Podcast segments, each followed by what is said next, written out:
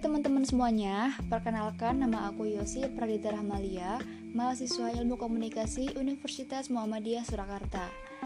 Jadi, ini adalah podcast kedua aku dan pada podcast kali ini aku akan membahas tentang segmentasi, targeting, positioning, formatting, dan programming dalam penyiaran beserta contohnya. By the way, buku yang aku jadiin referensi adalah buku Manajemen Media Massa oleh Fajar Junaidi. Sebelumnya, kalian tahu nggak sih, media kehidupan tidak bisa dilepaskan dari halayak, sehingga penting untuk memperhatikan halayak dalam manajemen media. Logikanya gini nih, media massa itu hidup dan matinya tergantung dari bagaimana halayak memberikan respon pada media massa.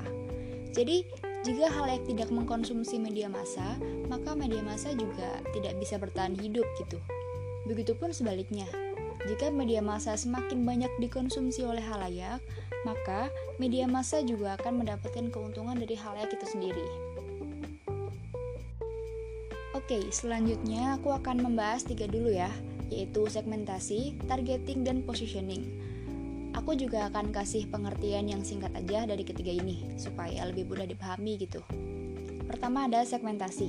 Segmentasi halayak merupakan suatu strategi untuk memahami struktur halayak. Kedua ada targeting. Targeting bisa juga diartikan sebagai target halayak, yaitu persoalan bagaimana memilih, menyeleksi, dan menjangkau halayak. Setelah targeting akan lanjut ke positioning. Positioning sendiri adalah bagaimana strategi untuk memasuki otak konsumen. Kembali ke segmentasi.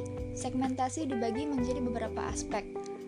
Pertama yaitu segmentasi berdasarkan demografis. Jadi, sesuai namanya yaitu demografis, segmentasi ini didasarkan pada data-data kependudukan seperti usia, jenis kelamin, pekerjaan, suku bangsa, pendapatan, pendidikan, agama, ras, dan sejenisnya. Ada juga segmentasi geografis. Aspek ini memperlihatkan bagaimana orang dari satu daerah akan berbeda dengan orang di daerah yang lain di dunia.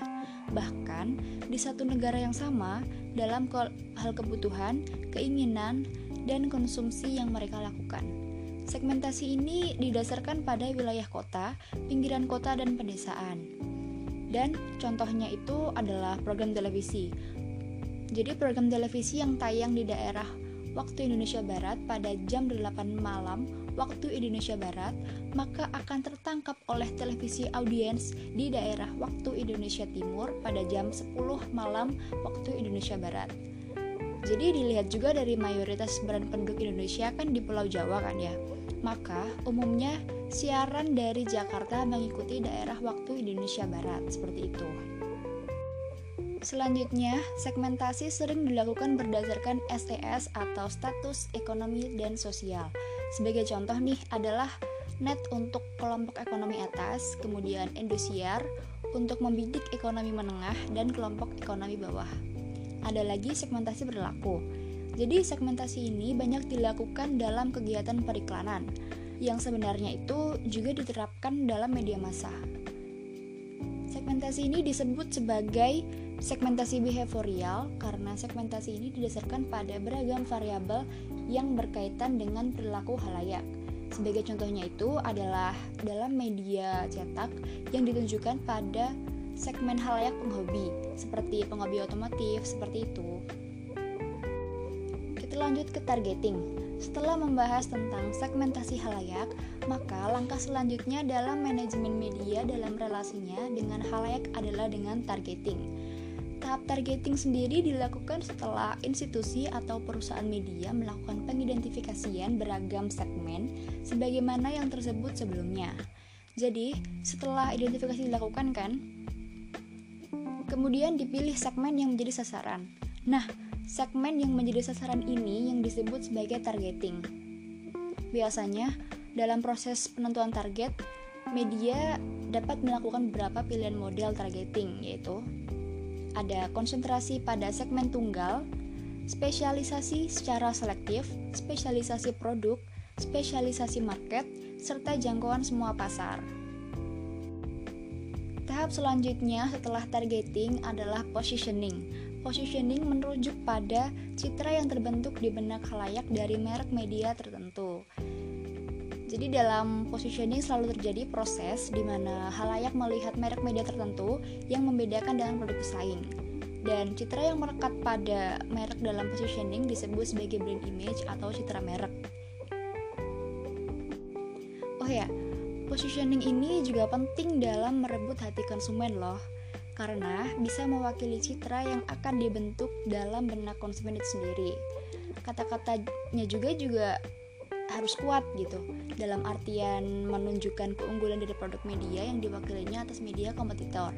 Contohnya itu seperti RCTI dengan pernyataan RCTI oke okay, dan Kompas TV dengan inspirasi Indonesia. Seperti itu teman-teman.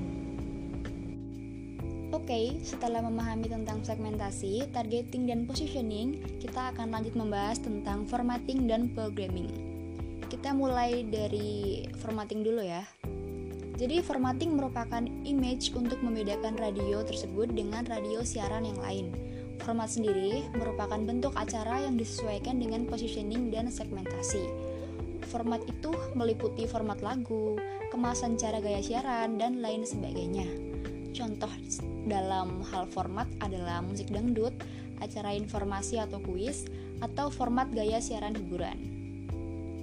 Oke, lanjut ke programming. Jadi ada dua tujuan dasar dalam programming radio, yaitu yang pertama adalah tujuan yang secara khusus bersifat lokal. Jadi ini berkaitan dengan bagaimana radio menjalin interaksi dengan para pendengar di sekitarnya. Dan tujuan kedua itu adalah mempengaruhi mutu tertentu dari siaran radio itu sendiri. Ya teman-teman, tujuan yang agak berbeda terjadi juga dalam programming televisi. Pertama itu, programming televisi ditujukan untuk menjangkau audiens seluas mungkin. Yang kedua, programming televisi bertujuan untuk menjangkau audiens yang lebih spesifik seperti uh, Docs Movies dan HBO yang hanya berisi film-film saja tanpa ada program lain di luar film. Dan yang ketiga itu adalah untuk menarik pelanggan. Seperti itu teman-teman.